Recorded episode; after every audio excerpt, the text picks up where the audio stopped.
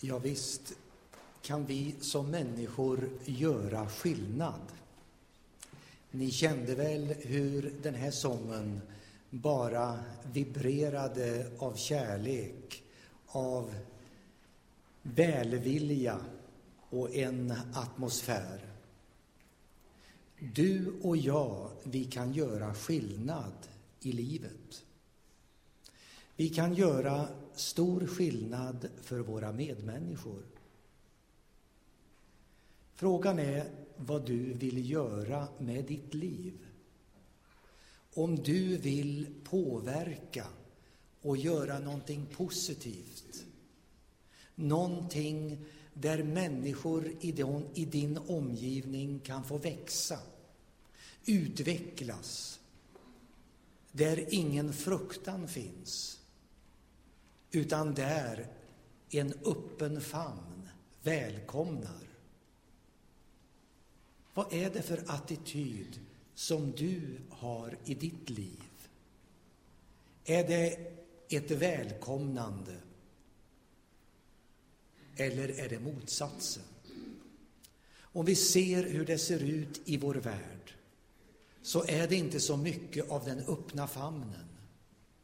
Det är inte så mycket av omsorgen, av kärleken, Och i dessa dagar så blev vi påminda om hur andra världskriget fick sitt slut. Vilka förhoppningar som var knutna i och med krigsslutet. Man ville bygga en bättre värld. Man ville göra någonting helt annorlunda. Men lär sig människan aldrig någonting. Man kan tro det när man ser.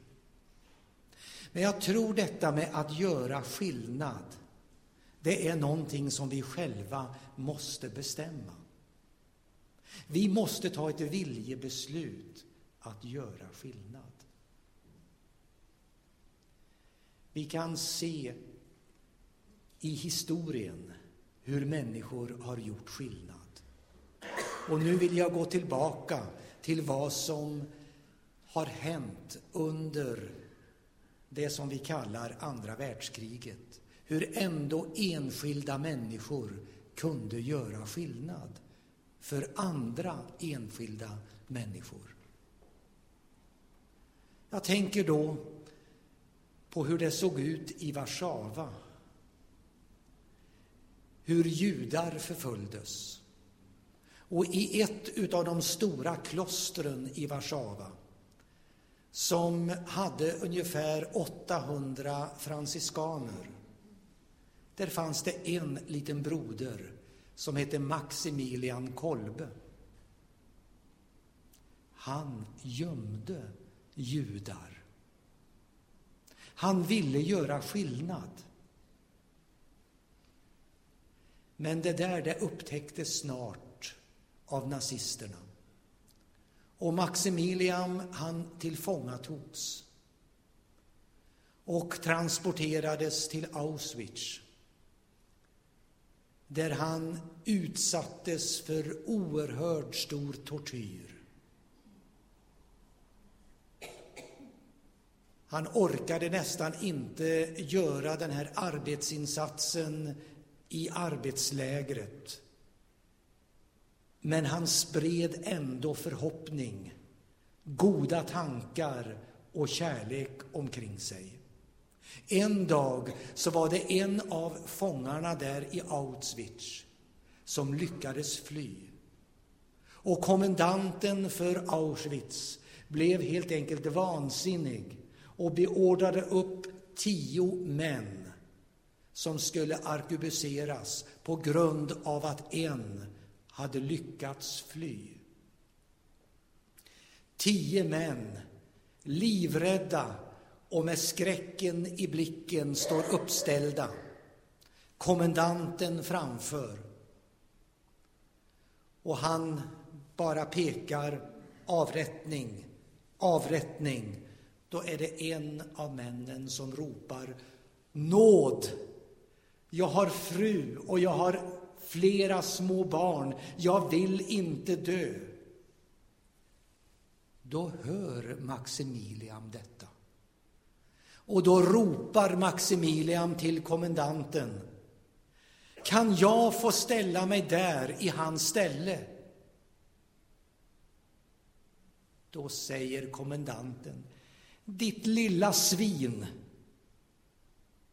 Och så pekar han på Maximilian och så kommer en stor, ett stort ordförråd utav besvärjelser ur denne kommendant. Men Maximilian han går rakryggad fram till mannen som har bett om nåd och ställer sig där.